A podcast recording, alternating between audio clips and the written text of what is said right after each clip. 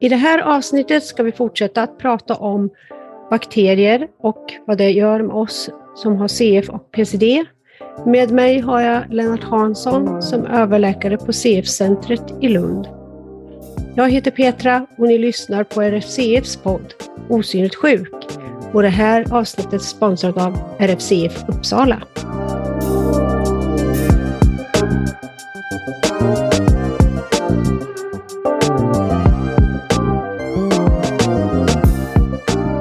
Välkommen tillbaka Lennart. Tackar. Vi börjar dagens avsnitt med bakterien Stenotrofonon.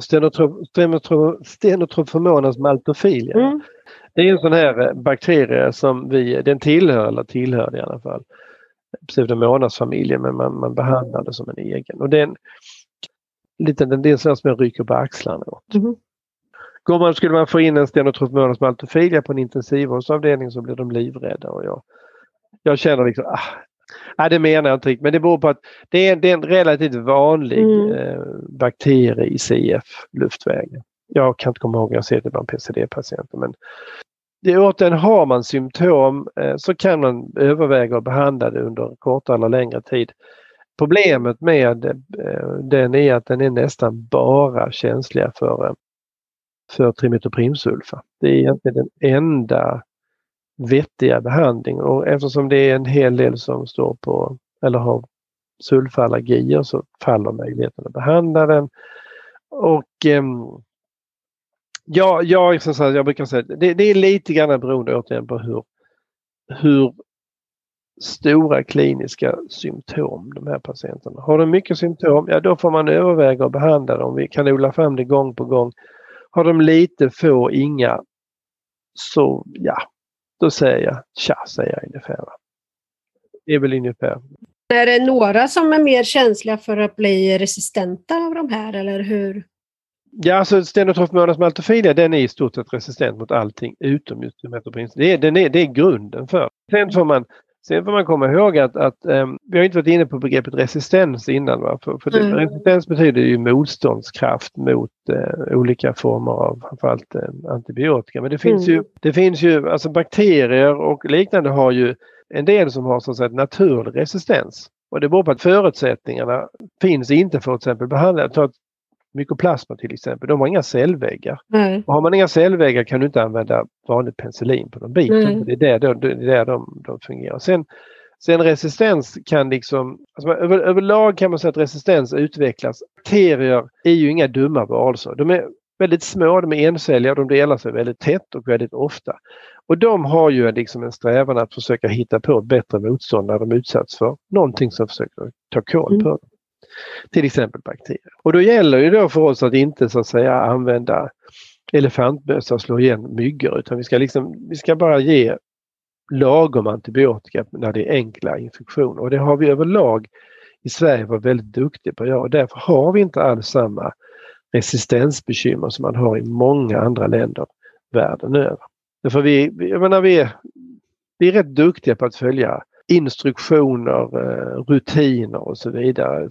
Allra helst inom CF-världen där vi gör i stort sett precis likadant på alla patienter. Men tillbaka till, till liksom det här med resistenserna. Så att, alltså att antingen blir bakterier resistenta för att de, det finns inga förutsättningar för dem. Vi kan de, de har inte förutsättningar att ha behandla mot de här antibiotikan. Eller så sker det då en form av utveckling mot resistenser för vi trycker på de antibiotika. Mm. Och det är ju ett stort bekymmer så att ju mer antibiotika vi har ju mer resistensutveckling finns det. Sen kan många bakterier göra det vi kallar för mutationer. De muterar själva. De sker alltså en, en omvandling. Det gör ju människokroppen också. Det har vi ju mm. hela tiden. Vi muterar ju. För cellerna ändrar arvsanlag kan man säga. Det gör bakterierna också. Och det gör de ju delvis. In. Dels sker det naturligt och dels kan det ske en strävan efter att försöka bli mer resistent mot antibiotika. Mm. Så det är inte alls ovanligt att vi hittar individer som, som, som tyvärr då har resistens mot, inte riktigt allting men kanske de bara klarar eller har effekt av någon enstaka antibiotika. Och därför har ju vi i, i världen överlag haft stort behov av att förnya antibiotika. Och där sker ju tyvärr en väldigt, väldigt liten utveckling. Det är mycket, mycket få nya antibiotika som utvecklas överhuvudtaget. Och detta är ett dilemma så att säga, ur internationell synvinkel. För att vi Ja, inte har. precis. Men sen så vill jag ändå, när jag ändå är inne på det, det ämnet, så tycker jag att man måste ändå komma ihåg att intoleransen mot läkemedel från patienternas sida är också ett stort dilemma. Och det har ingenting att göra med resistens eller något sånt utan det beror på att man, man tål dem helt enkelt inte in. Man får biverkningar av det. Och det kan vara för att du har fått hörselpåverkan eller fått yrsel på grund av att du stått på mycket aminoglykosider när du varit yngre eller du har fått utslag av någonting eller du har reagerat med någonting annat. Alltså det, jag skulle säga att för många patienter när vi ska behandla dem med antibiotika så är ju problemet med så att säga, intolerans oavsett om det är allergi eller inte. Det måste inte nödvändigt vara en penicillinallergi. Man behöver inte få en stort nässelutslag av detta utan man tål det bara inte. Nej. Man mår dåligt eller man blir yr eller man mår illa eller man kräks eller någonting Mm. är minst lika stort bekymmer som resistensen. Ja. Och detta är ju någonting som hos vissa individer blir ett jätteproblem ju äldre de blir. De kan ju vara så att säga, intoleranta mot tre, fyra, fem olika antibiotikaklasser och så i kombination med att de kanske har en, en, en pseudomonas som i vissa fall bara har effekt av något av de inte tål. Eller i vissa fall kanske ett enda preparat vi kan använda på. Ja. Så där har vi ju ett praktiskt problem. Men där är intoleransen ett lika stort problem som resistens. ja, Och ibland tål individer eh, när man ger det i lite olika former. Man kan tåla det i inhalation när man inte tål intravenöst och så vidare. Ibland kan man testa och gå upp och så att säga desensibilisera individer, att man kan göra att de tål mer och mer och mer och mer. Det är fullt möjligt att göra den varianten. Och sen så kan det vara en dosfråga också. Ja. Jag tänker om du ger för... Det är ju ingen idé att ge för svag dos heller, antar jag. Nej, men där har du ju verkligen, där har du det omvända. Eh, där är ju, ehm, det är ju ett dilemma ur resistenssynvinkel. Därför att ger du för låg dos så, och framförallt för kort Mm. dos, för det här är ett vanligt bekymmer, att man, patienterna känner sig bra. Vi säger att de ordinerade tar kanske 7 till 10 dagar. Så efter 3-4 dagar så känner individerna sig bra och då, då slutar de att ta det. Mm. Och då får du, en- får du en löper risk för resistensutveckling. Det kanske inte liksom stor, så stort problem för de här vanliga kortvariga behandlingar men, men där du har ett jättebekymmer för att gå tillbaka det är till exempel tuberkulosen som Mm. kräver behandlingar månad ut och månad in. Va? Och när patienterna känner sig bättre efter ett par månader så slutar de kanske ta det och där löper det stor risk för att få en resistensutveckling. Det är ett världsbekymmer det här med resistens.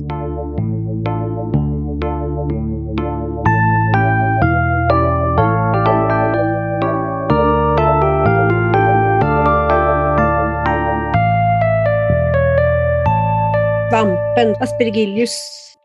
Alltså vi har ju exofialan och vi har ju andra svampar också som dyker upp. Men, men det är ändå Aspergillus fumigatusen som är vår stora. Men det, jag tror vi pratade om den innan det här med att, liksom, att den är ju... Jag är väl kanske lite mindre benägen att vara så behandlingsaktiv nu som jag var för tio år sedan. Jag, jag, jag väger mer in andra faktorer. Ja. Jag var ganska fyrkantig och så. Nej men vi behandlar för den finns där och den ska bort och så ska vi ha två negativa odlingar och så vidare. Men det, det, det kan jag säga att det har jag väl inte riktigt, riktigt Man rekommenderar ju man inte träffas som CFare och PCD på grund av de här bakterierna. Men om man ska träffas eller om man ska göra någon form av aktivitet tillsammans eller så, Mm. vad ska man tänka på? Eller ska man utesluta allt sånt? Ja, det är de gamla vanliga hederliga reglerna. Man kan ju inte hindra individer från att träffas. Men man säger så att grunden har ju varit att man så att säga, har velat, man ville få bort de där ganska stora tonårsgruppträffarna. Det fanns en stor risk för att individer spreds bakterier ganska Mm. intimt med varandra. För man var kanske lite intim och så vidare. Men alltså det är ju inte, annars är det det gamla vanliga. Dela inte vattenflaskor, tvätta händerna, bra hygien, hosta inte rakt ut i det blå och så vidare. Alltså det, så att jag menar, där finns ju fortfarande de här restriktionerna kvar. Gistamsrestriktionen är ju kvar till exempel. Mycobacterium abscessus är ju kvar. Alltså det är de Mm. det är precis de jag nämnde innan som vi så att säga, håller för oss själva på egna rum. Som vi då säger att nej, de här bör inte träffa Nej.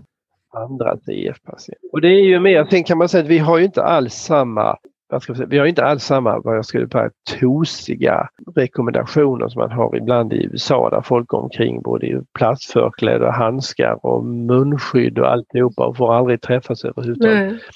Jag tror inte det är farligt att ge en CF-patient en kram. Jag menar så länge du inte samtidigt hostar varandra rakt i ansiktet och så vidare. Så det är en omdömesfråga och jag menar jag, jag kan det är, för mig som är vuxen doktor så kan jag tycka att alla de här vad ska jag säga, rekommendationerna är rätt mycket enkla. För jag, jag kommunicerar i regel med en vuxen klok individ som har många års egen erfarenhet av en sjukdom och vet ungefär hur de så att säga, beter sig eller hur de gör eller vad de vill göra. Mm. Det, det är deras eget beslut att säga nej, jag, jag vill inte träffa individen si och så eller jag vill, eh, jag vill inte gå på det mötet. Men, men det blir, jag, jag tycker att det blir mycket svårare när du kommer till barn. Därför att speciellt när du har väldigt små barn så, så har du ju hela tiden det här dilemmat med att, att liksom, jaha, vad ska du, det är inte barnen, det är inte de som så att säga följer, vad ska man säga, det är föräldrarna som ska försöka få och, och, och jag har ju en känsla av att att jag tror ju det här med att det, liksom, det, det, det är det här med att, att man, vi så gärna vill vara, ha allting ettor och nollor. Vi vill gärna ha rätt eller fel, bra eller dåligt, gör inte så eller gör så. Va? Och, och, och det blir ju, alltså, man, bara, föräldrar i regel vill ju väldigt väl för sina barn. Mm. De vill ju säga att nej, men, ja, vi vill ju att vårt barn ska vara så situation skyddat från bakterier och virus och svampar så länge som möjligt och därför ska de inte få göra det och inte få göra det. Och sen är det väldigt, väldigt individuellt hur föräldrar tar till sig, vill ta till sig. Bara föräldrar skyddar barn. Det, de, de är så måna om detta till varje pris att det ska bli bra. Det gäller, spelar ingen roll om det gäller detta eller det gäller skolor eller utbildningar. Det ska, det ska allting vara så bra. Och jag kan säga att jag, jag behöver aldrig ta den diskussionen för jag har en, en, en, en vuxen individ som kan säga ja, jag gör så här eller jag gör eller jag struntar fullständigt. Jag gör som jag vill. Jo, men lite grann är det så här. Va? Liksom att, att, visst är det så, va? men jag menar det är ju det här med att, att liksom, om, om, man nu ska åka på möte med några CF-kompisar så kanske det är bra att man inte delar sovrum till Nej, exempel. Men att träffas liksom? Ja, det kan man ju. Ska man tänka på att ha avstånd eller ska man? Det är ju det gamla vanliga. Hosta inte rakt på dem, hosta andväg, undvik hosta. Eh, handhygien eh, mm. och så vidare. Gör du, gör du egenbehandling så ska du inte göra ditt grupprum med fem andra CF-patienter och så vidare. Så du, du får göra sånt. Va? Men jag menar, det, vi kan ju aldrig garantera att man inte för över. Utan, utan jag, brukar ju, jag brukar säga att det är farligt att leva. All, alltså allting vi gör är ju liksom Ja, det får ju konsekvenser. Mm. Jag menar, kör man motorcykel, ja det är kanske jättekul att köra motorcykel men det, det, har vissa risker. Men vill man nu köra motorcykel så får man väl göra det. Va? Det är väl inte mer med det. Jag tänker inte hindra någon och bara vederbörande är klok nog att förstå vad de ska göra och så vidare. Och så vidare. Och, och, det är det jag menar med allting. Sen det här med att fråga hur man ska, att man, man ska inte utsätta andra för fara. Men, ja. Om man har bakterier som är resistenta Alltså jag brukar säga, jag säger för alltså om vi undantar det där som hände på läger i, i Sverige på 90-talet och 00-talet så har vi väldigt lite överföring. Mm. Alltså även om vi tittar på, alltså vi delar ju mycket mindre i, mm. hos oss, då menar jag nog Sverige generellt. Vi, på gott och ont tillåter att individer sitter i samma väntrum, vilket man kan fundera på om de skulle göra eller inte göra. Um, Danmark har haft väldigt mycket, väldigt mycket striktare. Men så vet jag att det är i Köpenhamn där de, de har ju sån här så att liksom, där träffas ju alla de med viss typ av pseudomonas på måndagar och Klebsiellan på tisdagen. Och, alltså de, sen kan man fundera hur bra det är. Va? Men alltså ändå till syvende och sist säga att jag, när jag tittar på våra typningar av pseudomonas så har vi ju väldigt, väldigt lite överföring. Alltså ens en gång misstanke om överföring eftersom att alla mm. pseudomonasen är ju unika. Vi har inte sett något fall vad jag vet. Mm. Alltså, det är möjligt att det finns ett undantag men, men där vi har fått överföring i modern tid. Så att, ja, Nej. Jag tänker på, ibland är det ju lite frågor angående det här om man ska gå på bad och sådana ja. saker. För det är ju ändå lite bakterier i vatten och allt sånt. Visst så är det ju ren... Ja, vi säger att det, det, det, vi tycker ju att Alltså jag, jag säger att det är större risk för att barn utvecklar rädsla för vatten genom att man rekommenderar dem att inte ska, alltså skämt åsido, jag har, jag har vuxna patienter som nästan inte kan simma av den anledningen att de, de, de har varit så eh, säga, avrådda från att befinna sig i vatten från barnsben. Att de nästan idag inte vågar och kan simma. Men självklart, att simma i ett vanligt att simma i havet eller simma i bassänger är inte farligt. Det är klorerat och så vidare. Men gå inte i bubbelpoolerna. Det är vår allmänna rekommendation. Där är ett elände. Sitt inte i bubbelpooler och liknande för där har du en annan. Där frodas Även sådana man har hemma? Ja, där får folk göra som de själva vill. Ja, ja, men alltså så länge det inte är andra CF-patienter så lär ju inte detta spela någon roll. Så att, jag menar det är väl, det, det är mer det där med risken för överföring till andra individer med eh, samma åkomma. Nej, för det är ju lite det här diskussionen jag tänker på som vi lokalföreningarna vill ju gärna ha träffar, för vi som tillhör de äldre säger ju det att vi har haft så mycket behållning av att få träffas, både nu på äldre dagar och även när vi var unga och få träffa andra CFare, alltså det har ju varit guld värt. Så för oss är ju det lite... Ja, detta till fullo. Nej, men jag, jag har full förståelse. Men det är väl lite som vad man ska tänka på. Är det helt är det dumt att ha aktiviteter oavsett om det är inne eller ute? Det utomhus tycker jag inte spelar någon större roll. Nej. Där tycker jag, där har men det ingen... inne? Nej men alltså, vi, alltså jag, kan bara, jag kan bara luta mig mot vad vi har sagt. Vi har skrivit att de som har Mycobacterium abscessus, de som har burkulea sepasia-komplexet, eh, MRS och abscessus bör inte delta i inomhusverksamhet. Det är vad vi har skrivit. Och det, det är liksom någon form av regel och sen får man... De som ja. har dem vet ju om det. Ja, och jag menar de känner ju sig de känner sig undanskuffade. De upplever sig som lite paria. Varför får inte jag vara med och mm. leka när alla andra får det? Även om, om det, jag menar, jag säger att det är den, det är den vi har svårt att, att avstå från rekommendationen men sen vad individer gör själva, det kan vi inte mm. påverka. Alltså. Det, får, det får vara en, en omdömesfråga och vad, vad, hur man vill, vill inte, ska, ska inte och så vidare.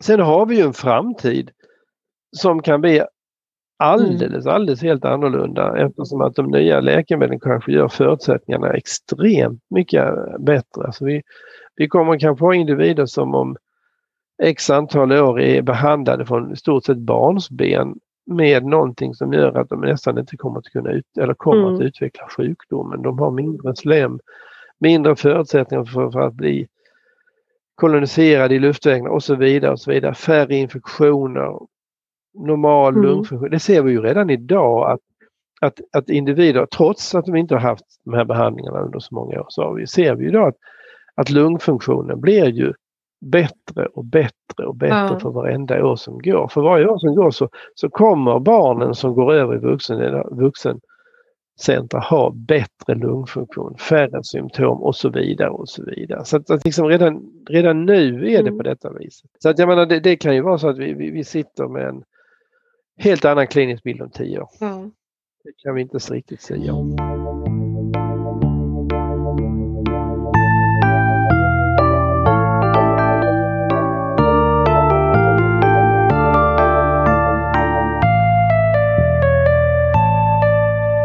Men vad är det i slemmet som gör att bakterierna faktiskt tycker om att vara där?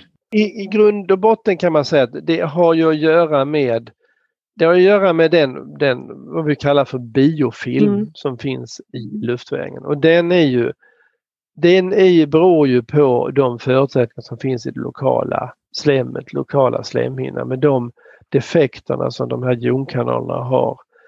Och varför, och det, jag, menar, det, det jag är inte person att förklara varför vissa individer aldrig får pseudomonas eller varför vissa alltid får pseudomonas och varför de som har fått pseudomonas har fått detta tidigare än andra. Man kan, alltså det är ju det här allmänna, alltså det, det, man kan säga det är ju det som är ett, ett av, eh, så att säga, lite, inte kriterier, men en av eh, CF-sjukdomens grundpelare, att den är så extremt heterogen. Alltså den är så extremt varierande. Den, den, den ser så extremt olika ut från individ till individ, både vad det gäller påverkan på symptom, mm. vil, eller påverkan på organ. Vilka organ som påverkas mm.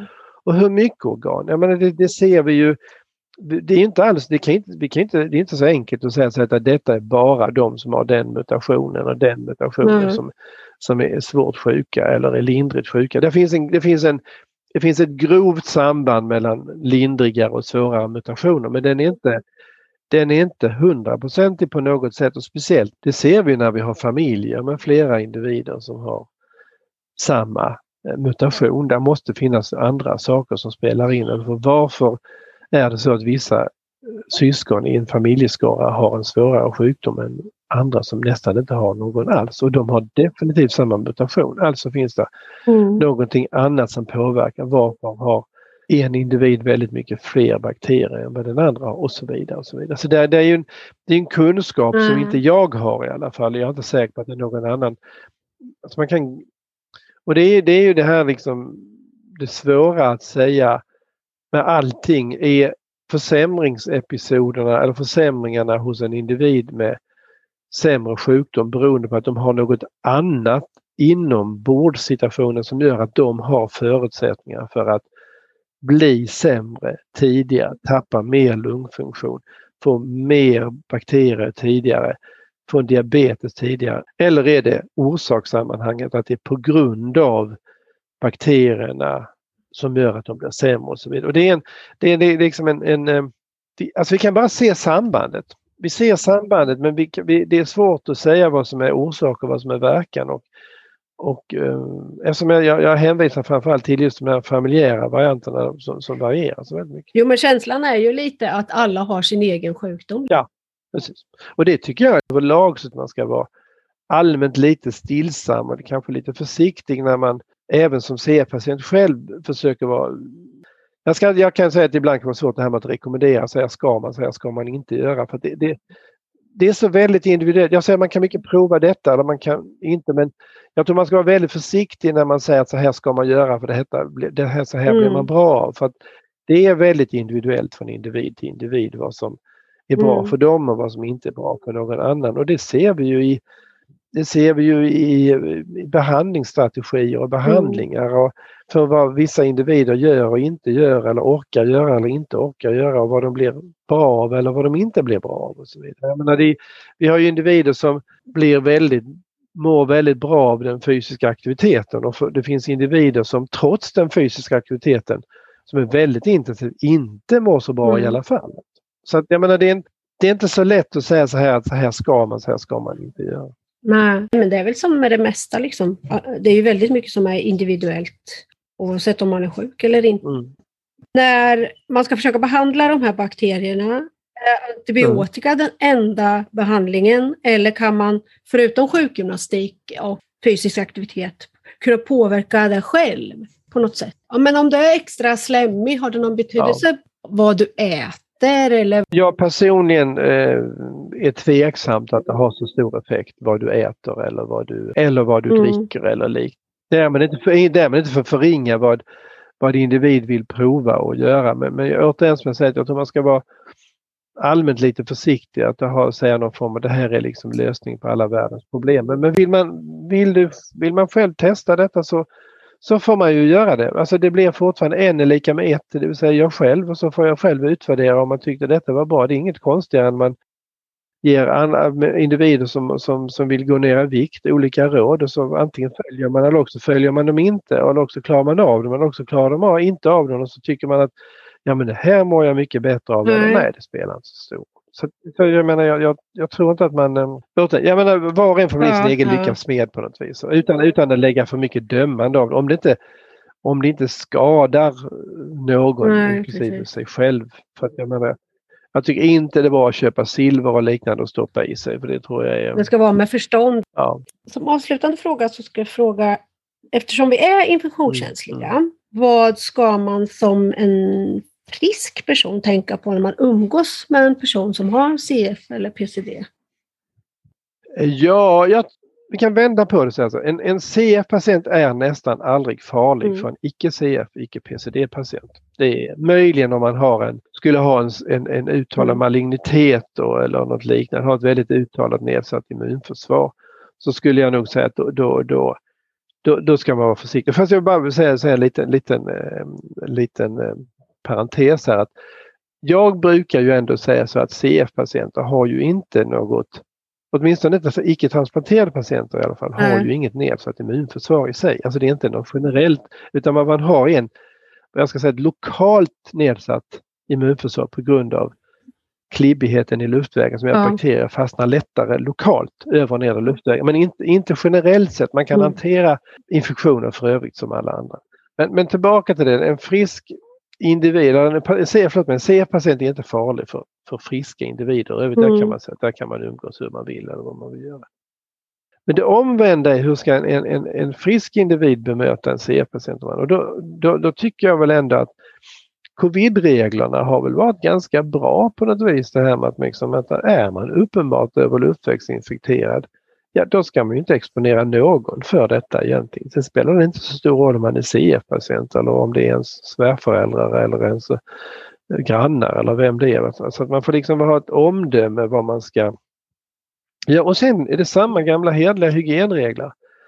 Tvätta händerna, använd handsprit om det nu har någon effekt. Eh, nys i armvecken och så vidare. och så vidare. Är man jättesnörvlig, gå inte till jobbet och så vidare. Alltså det, det är den typen av, av råd som jag tycker man, man ska så att säga. Men, men jag menar att visst kan, kan ju CF-patient få en viss en vanlig virusinfektion men den kan ju naturligtvis i sin tur trigga igång en försämringsepisod. Det är fullt möjligt. Ja.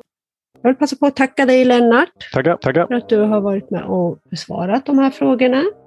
Och ett stort tack till dig som har lyssnat. Thank